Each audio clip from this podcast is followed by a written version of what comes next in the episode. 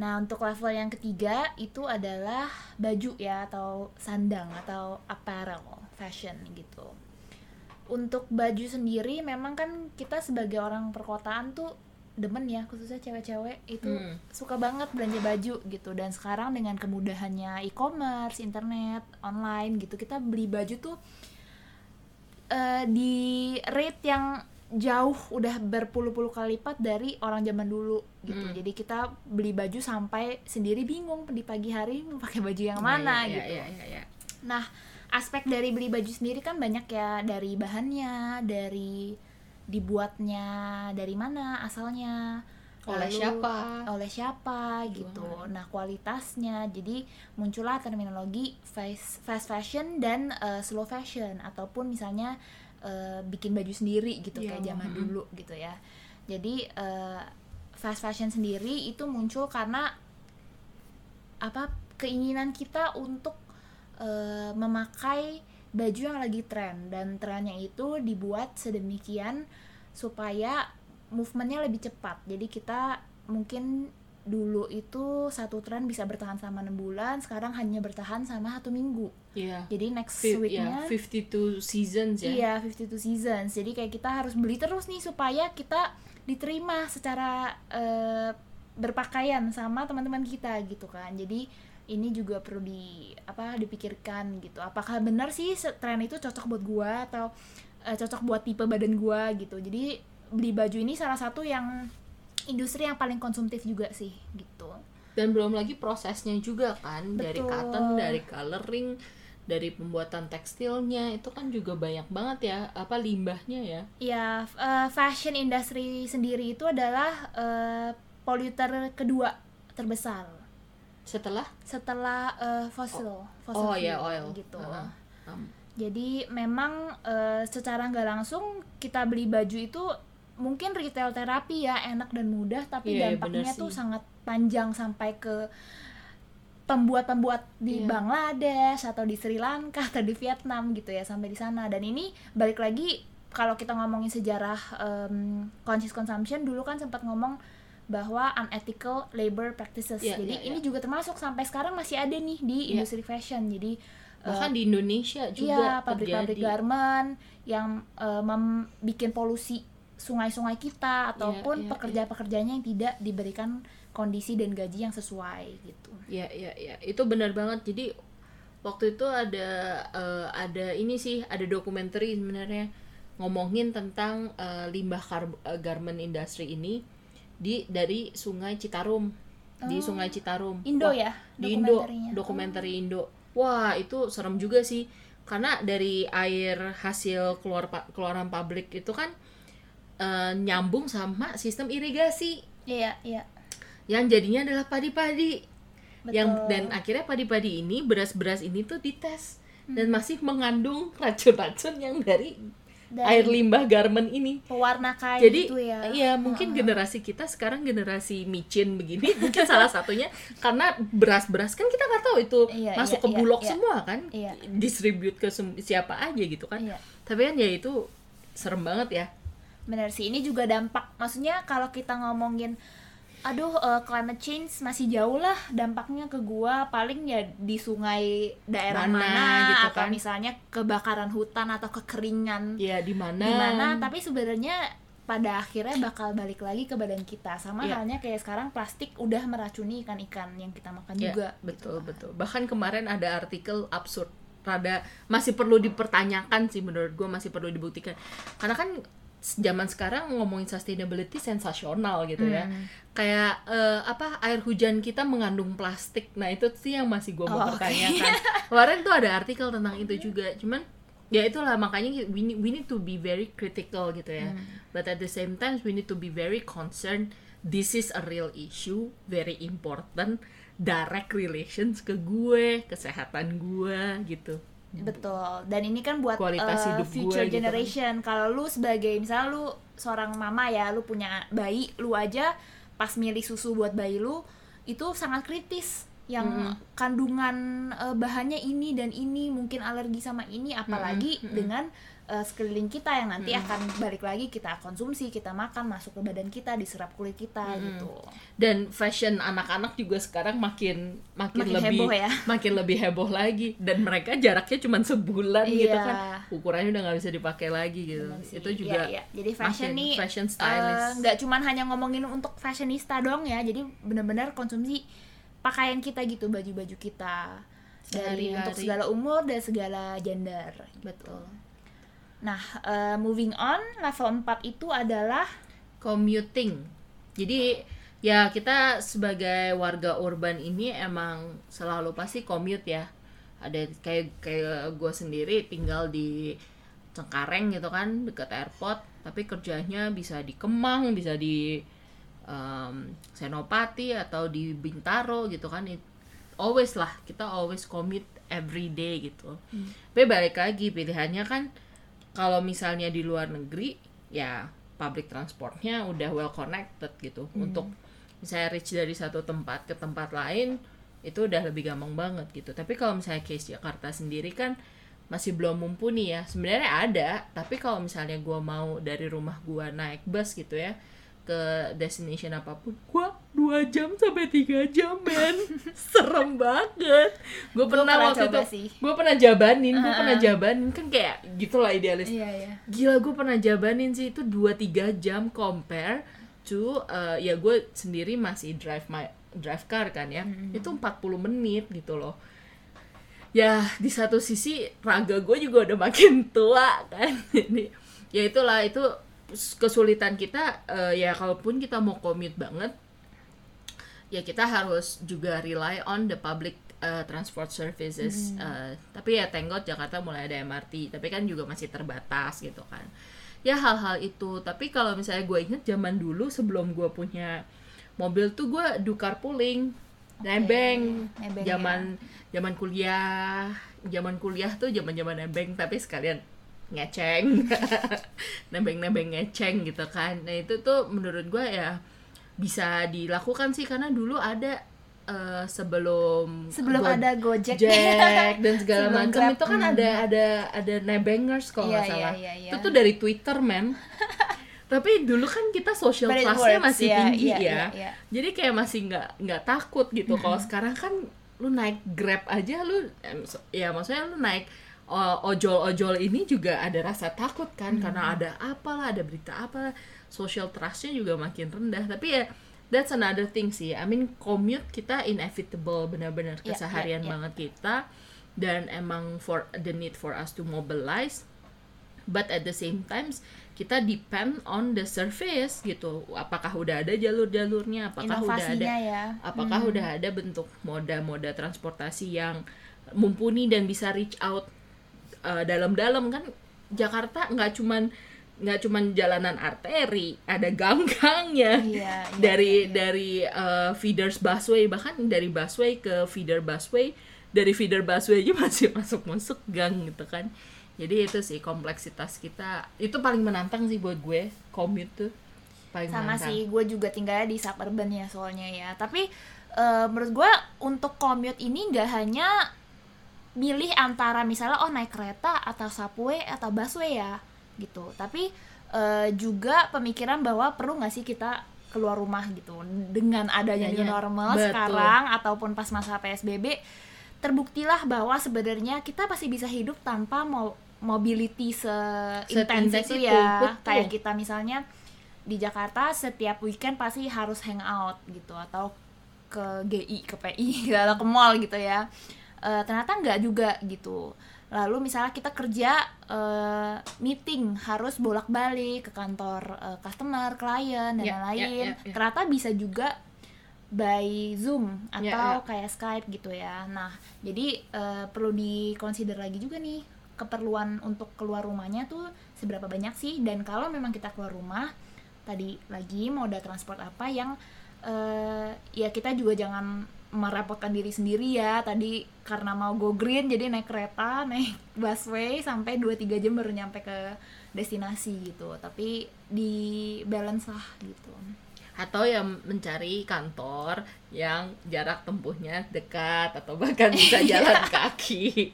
Se Bener sebelah banget. rumah aja atau sebenarnya. Kalau sekarang kan kantor kita udah makin deket sebelah kamar doang benar kommute-nya jalan kaki Iya, beneran. komitnya jalan kaki gitu. Oke, next kita di level 5 itu ada lifestyle consumption gitu ya. Jadi apa sih lifestyle consumption itu Em, konsumsi yang memang mendukung eh, gaya hidup kita tapi bukan yang primer gitu. Hmm, Jadi misalnya ya, kita punya ya, ya. hobi, eh, fashion juga sebenarnya termasuk ya.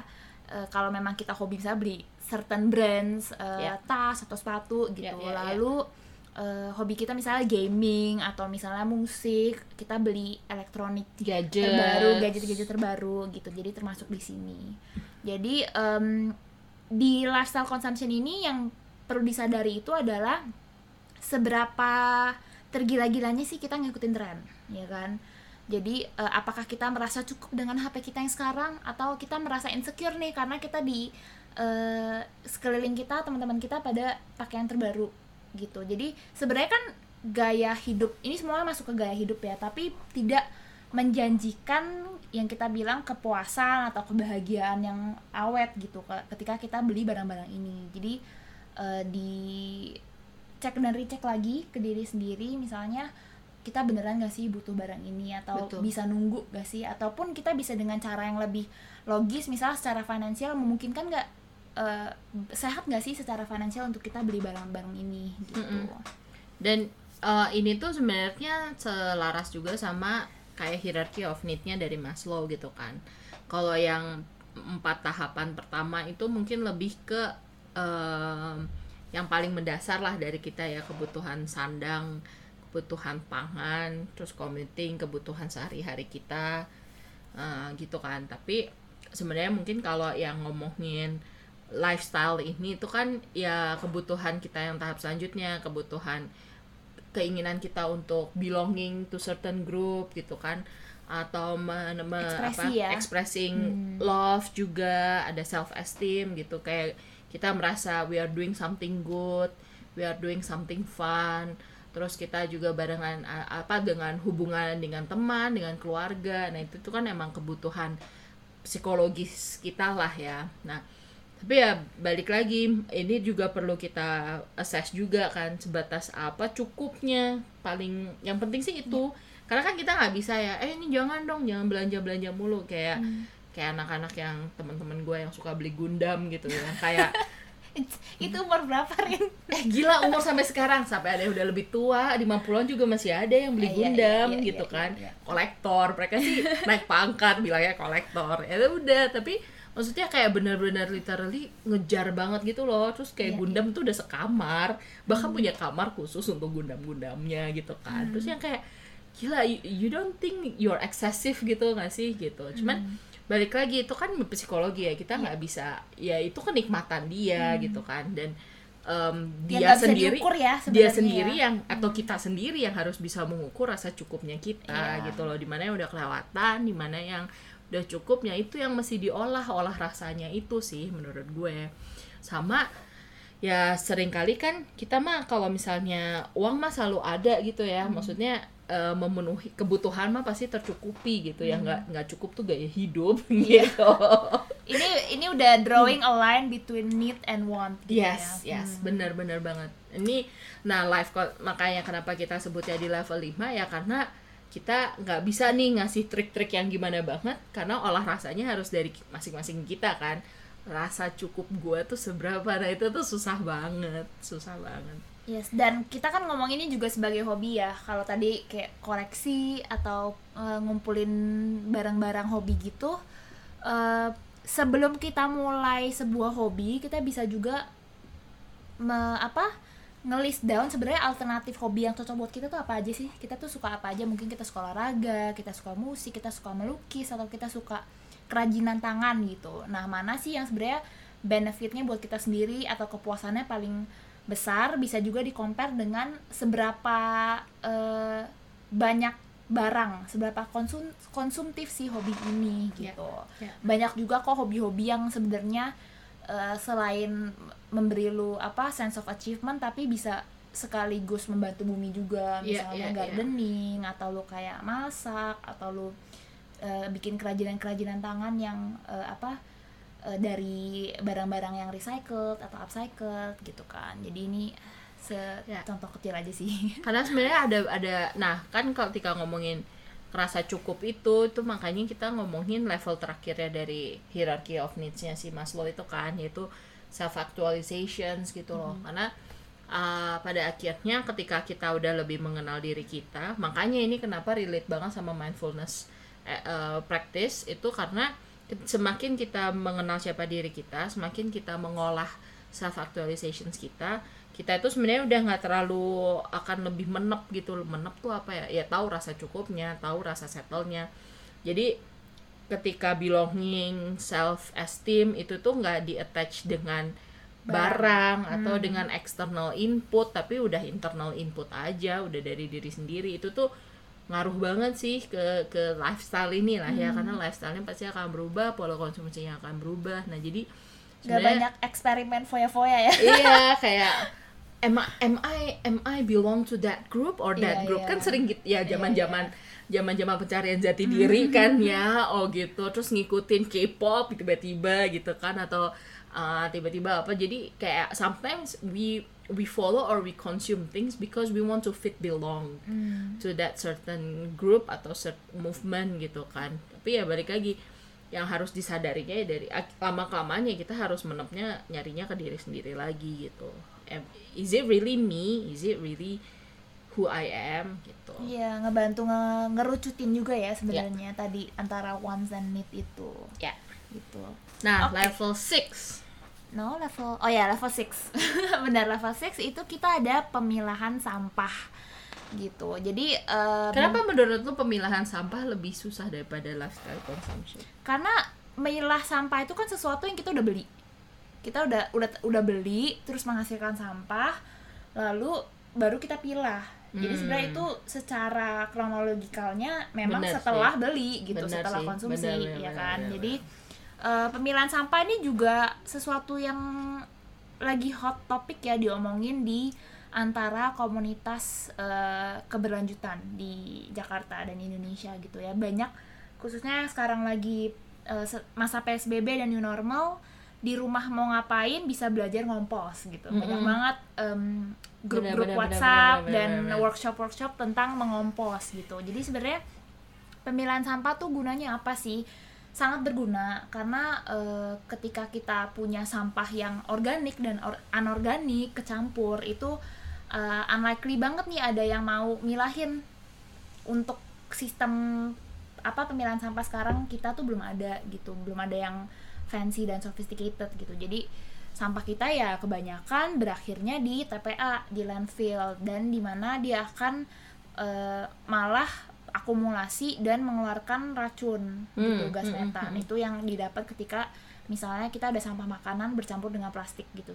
Dia nggak bisa membusuk secara eh, properly ya secara betul-betul. Nah eh, untuk pemilihan sampahnya sendiri ini memang bagusnya mulainya dari rumah sih gitu. Jadi kita selagi kita belum bisa ada sistem yang sangat reliable gitu ya kita mulailah dari rumah yaitu kita memilah eh, sampah makanan atau organik dengan sampah yang anorganik plastik lah atau misalnya eh, besi lah atau sampah elektronik gitu ya.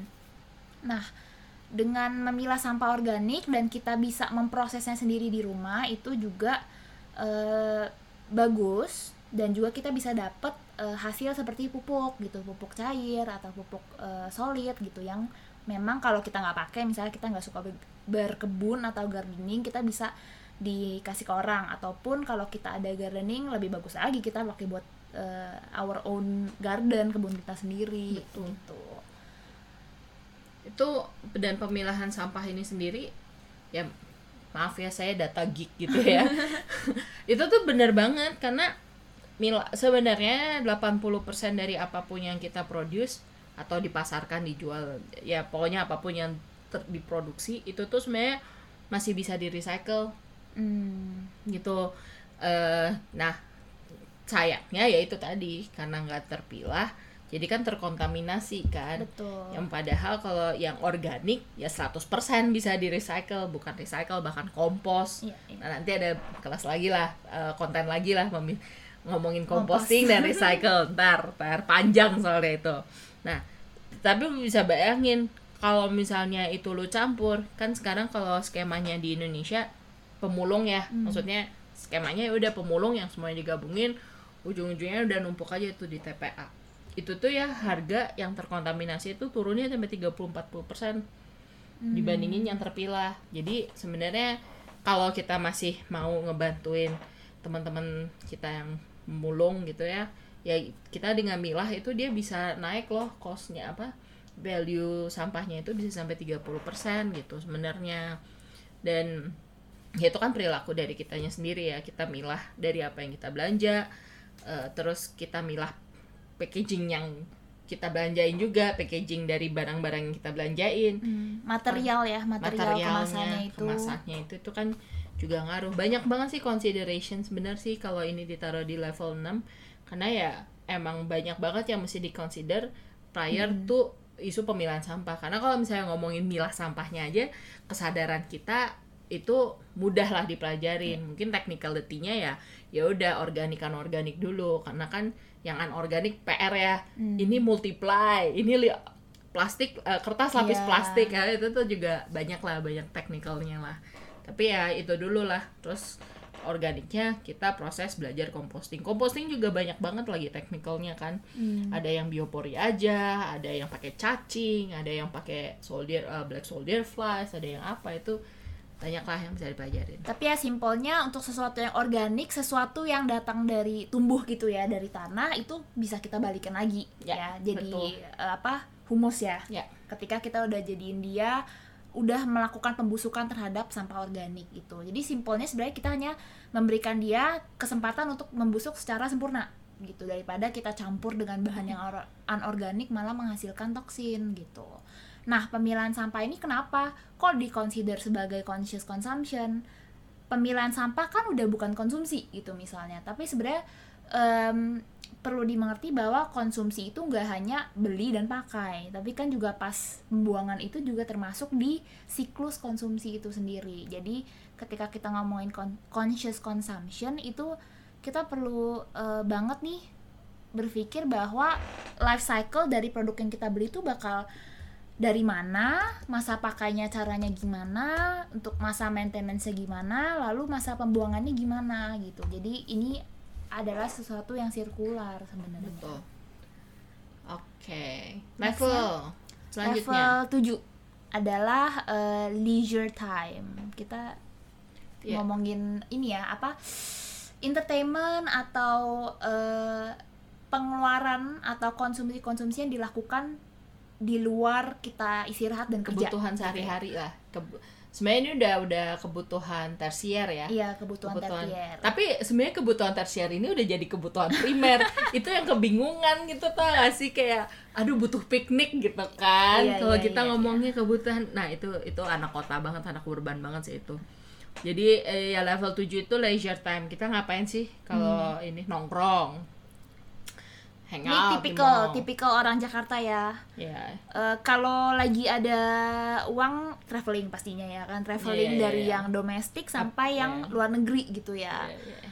Eh, terus hangout di mall atau ngafe ya kan terus kita juga Karaokean. karena kita adalah ibu kota mall sedunia Iya bener loh, kita tuh ada berapa? 700 eh masa sih Serasa- seratusan seratusan Seratusan ya? tapi hanya di Jakarta hanya di Jakarta. Hmm, Masa sih kayak kemarin lebih banyak deh. 100 seratusan 170. mall ya ya 170 sorry ya. 170 mall mall di Jakarta doang. Jadi kita Iya. dibilang apa? Emang capital of mall. capital of, the mall. world. jadi gitu. eh, gedung favorit Iya. yang Ngeksis. dibangun itu adalah mall Tapi kan gitu ya, padahal sebenarnya kan public space ya, taman gitu kan ya.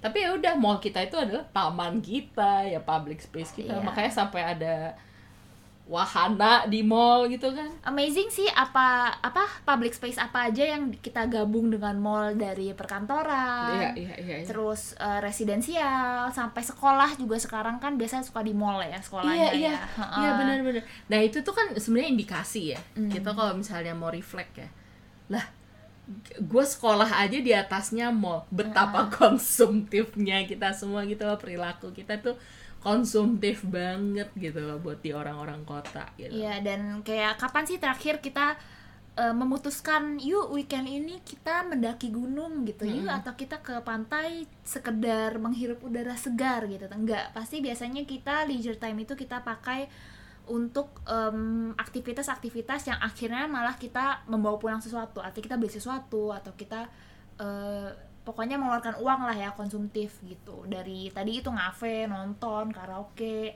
Eh, jarang sih yang kayak sekedar ya udah leisure tuh santai aja tanpa harus eh, spend anything gitu. Ya ya ya. Dan menurut gue kayak em, ya kebutuhan apalagi di masa eh, covid ini kan. Jadi kan kita emang traveling hangout itu tuh minim banget. Nggak ada lah kan nggak ada gitu kan. Udah craving gitu lah. Iya. Jadi ya semoga di masa kita udah mulai lepas psbb nantinya gitu kan yang udah mulai balik lagi ke new normal tuh jangan ya ya nggak nggak ini sih nggak apa yang kayak kelepas Heboh. gitu heboh gitu. Balas dendam. kayak balas dendam gitu. Iya ya. iya. Dan dan kalau traveling juga sebenarnya ya itu leisure time paling menyenangkan tapi at the same time paling mahal carbon footprintnya gitu kan. Benar benar. Jadi kayak kita naik pesawat to get some to a place itu juga lumayan costly dari segi eh, jejak karbon karbon emisi yang kita keluarkan gitu. Jadi memang kalau traveling itu jauh lebih ramah lingkungan kalau kita pergi ke tempat yang domestik Mm-mm. gitu. Dari bisa naik mobil atau mungkin naik kereta naik pesawat ke area yang masih satu negara baru naik pesawat ke area yang di luar negara ini gitu. Jadi em, bisa jadi apa konsiderasi juga sih ketika Iya. kita planning buat liburan. Tapi lu bisa juga sih ngelakuin kayak carbon full eh, lu calculate gitu carbon carbon footprint lo. Kayak misalnya lu lagi traveling ke Jepang gitu lu bisa loh sebenarnya lu calculate karbon lu ngabisin berapa ngasilin berapa ton karbon gitu ya. Terus lu bisa berproses untuk offset misalnya. Ada ada ada currency ada ribet sih itu.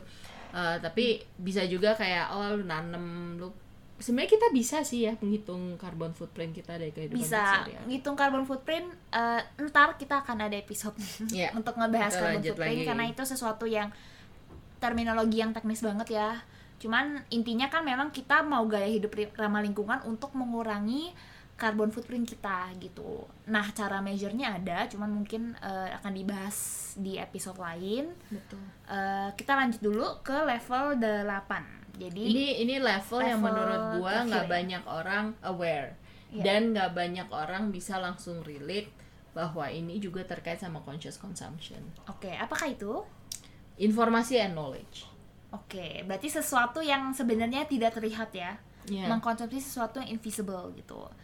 Eh, informasi dan knowledge ini juga sangat berpengaruh. Jadi kalau kita ngomongin oh konsumsi barang, eh, makanan, belanjaan itu ngaruh banget nih ke kesehatan bumi dan kesehatan eh, badan kita gitu kan. Apa sih yang sehat, apa sih yang alami. Nah, eh, untuk informasi dan knowledge ini itu berhubungan banget sama kesehatan mental kita. Hmm. gitu. Nah eh, setiap hari deh pasti kita mengkonsumsi yang namanya informasi gitu ya. Nggak usah ngomongin ilmu lah ya atau knowledge ya. Tapi kita mengko- mengkonsumsi dari berita eh, bahasan-bahasan dari grup WhatsApp lalu visual information dari Instagram sosial media lainnya. Sekarang ada TikTok ya kan. Jadi semua ini juga sebenarnya kita cerna di dalam sistem kita di dalam sistem mental kita yang eh, kita bisa eh, coba untuk sadari juga gitu. Secara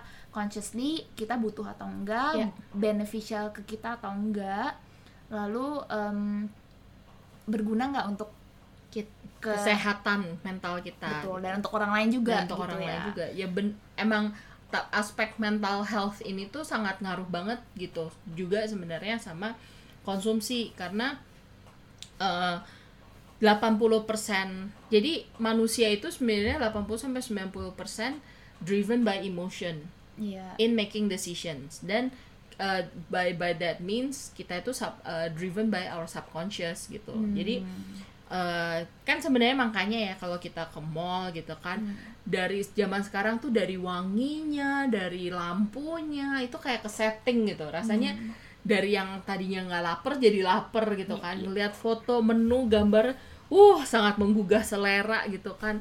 Itu ya se- sebentar lagi kita akan merasakan ya kalau misalnya zaman sekarang. Ngelihat di ini sih ojol gitu kan. Iya. ngelihat milih makan mau pesen makanan apa itu kan udah menggiurkan. Kayak tadi gue cuma mau makan soto sekarang gue mau makan soto mau makan burger mau makan martabak gitu.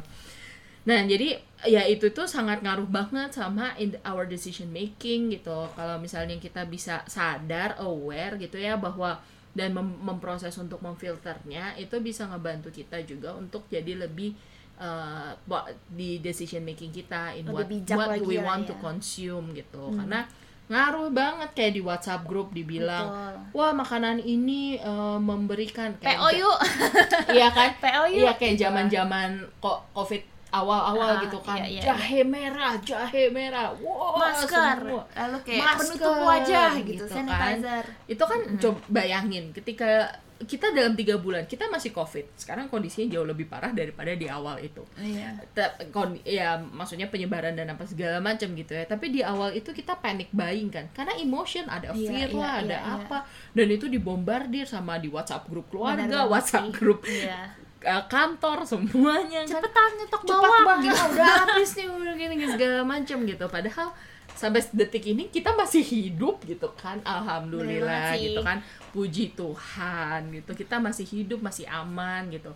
Jadi maksudnya ya itu we are driven by our emotions. So be aware of what we consume for uh, untuk memproduce emosi-emosi kita. Kita be apa ya kita harus menjaga kewarasan Iya, iya. dan ini ngeling banget kayak kita kalau sudah banyak kayak studinya kalau kita memang eh, selalu on social media all the time kita tuh bakal comparing kita akan keep Iya. comparing ourselves with other people dan yang nantinya kita akan mencoba menutup eh, selisih perbedaan antara kita dan misalnya selebriti A gitu ya Mm. dengan membeli apa pun yang dia promosiin gitu kan Betul. jadi eh, ini sesuatu yang selain s- aman buat eh, apa konsumsi berkesadaran aman buat dompet kita juga Betul. nggak asal keluarin uang untuk beli-beli juga Ya. aman untuk eh, our own mental health gitu. Ya, karena temen gua kan ada dia KOL juga gitu ya. Hmm. Terus dia juga bilang influ- uh, followersnya kan lumayan banyak gitu. Hmm. Terus followersnya itu pasti selalu tiap kali dia habis post selalu nanya, "Kak, itu beli di mana?" gitu. Hmm. Terus kan misalnya dia ngasih tahu kan brand-brandnya kan biasanya. Terus dia gitu,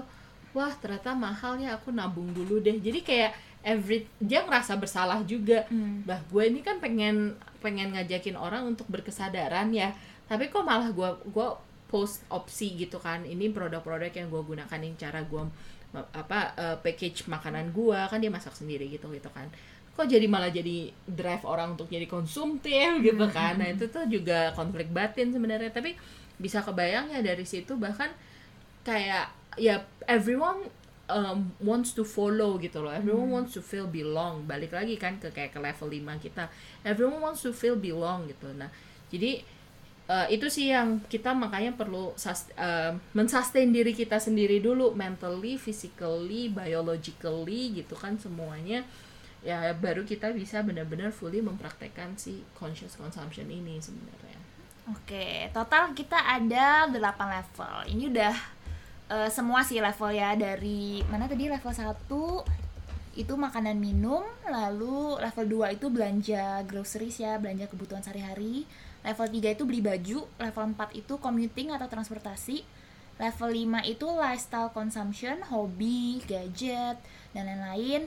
Level 6 itu pemilahan sampah, level 7 itu eh, leisure time, dan level 8 tadi yang eh, tidak terlihat itu informasi dan eh, knowledge yang kita serap sehari-hari gitu. Oh, for our mental health gitu ya. Yes, betul.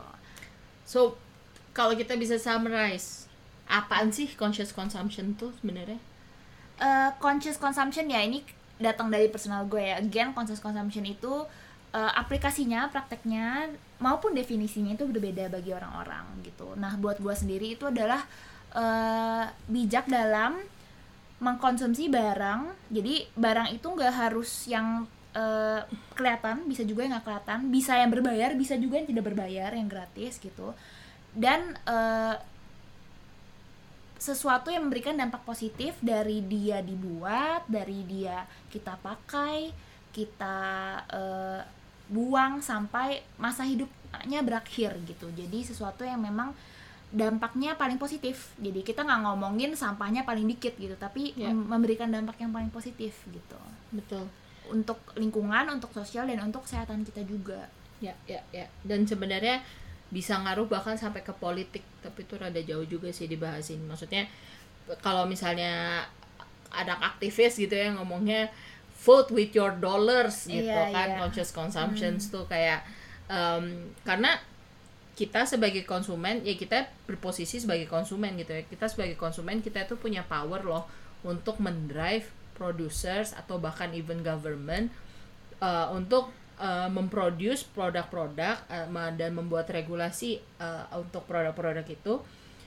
sesuai dengan keinginan kita sebenarnya. Tapi ya balik lagi keinginan kita intention kita ya baik yang baik lah gitu Iya, kan. iya, iya. jadi um, so karena selalu tiap kali ketika di blame bukan di blame ya ketika misalnya producers mestinya kalian ngehasilin produk-produk yang ini dong lah tapi gue mau ngeluarin produk yang ramah lingkungan kalian nggak mau beli masyar eh, marketnya jadi ini Jadi tuh ini cerita ayam sama telurnya cerita ayam duluan ya? sama telur gitu Iya. jadi like lagi so conscious consumption based on that ya adalah konsumsi yang berkesadaran dan eh, kesadaran ketika proses eh, pembuat keputusan pembelanjaannya itu kita sadar betul akan apa dampaknya ke diri kita sendiri dampaknya ke lingkungan kita damp secara hubungan sosial juga dampaknya ke lingkungan eh, alam kita juga uh, into our spirituality juga dan bahkan bisa ke future generationsnya juga.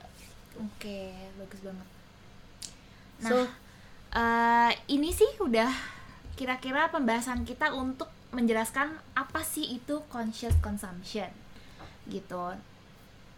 nanti mungkin uh, ke depannya kita pengen nge deep deep dive lagi nih ya, kayak gimana sih caranya? Kayak dari tadi Iya, iya, iya. obrolannya aspek lah, ada obrolannya masalah lah gitu kan, gimana sih semestinya? Dan mungkin kita bisa ngobrolin juga uh, apa sih hubungannya? Tadi kita ada ngebahas uh, ngomongin tentang carbon footprint kayak gitu-gitu kan, kita pasti akan uh, kita bakal ngobrolin itu lebih dalam lagi di uh, konten-konten kita selanjutnya. Nah, untuk episode selanjutnya topik kita bakalan nih con- consume consciously gitu. Jadi eh, kalau hari ini mungkin kita lebih ngomongin teori, kita di episode selanjutnya kita akan ngomongin lebih ke praktek gitu. Jadi bagaimana nih caranya dengan teori sebanyak ini dengan kompleksitas yang sedalam itu gitu. Gimana kita bisa mulai? So, jangan lewatkan episode kita selanjutnya. Jika menurut kalian podcast ini bermanfaat, silahkan subscribe dan di-share ke teman-teman, keluarga, ataupun komunitas kalian. Yuk, kita sama-sama menyebarkan informasi tentang gaya hidup ramah lingkungan ke semakin banyak orang lagi, dan bersama kita jaga ibu bumi. Dan untuk kalian yang ingin berkomentar ataupun punya pertanyaan, feel free ya untuk reach out ke kita di Instagram at theboxstore&co. Jangan lupa juga follow our Instagram di mana kita akan post jadwal dan topik podcast selanjutnya bersamaan dengan konten-konten menarik lainnya. See you on our next episode. Bye-bye!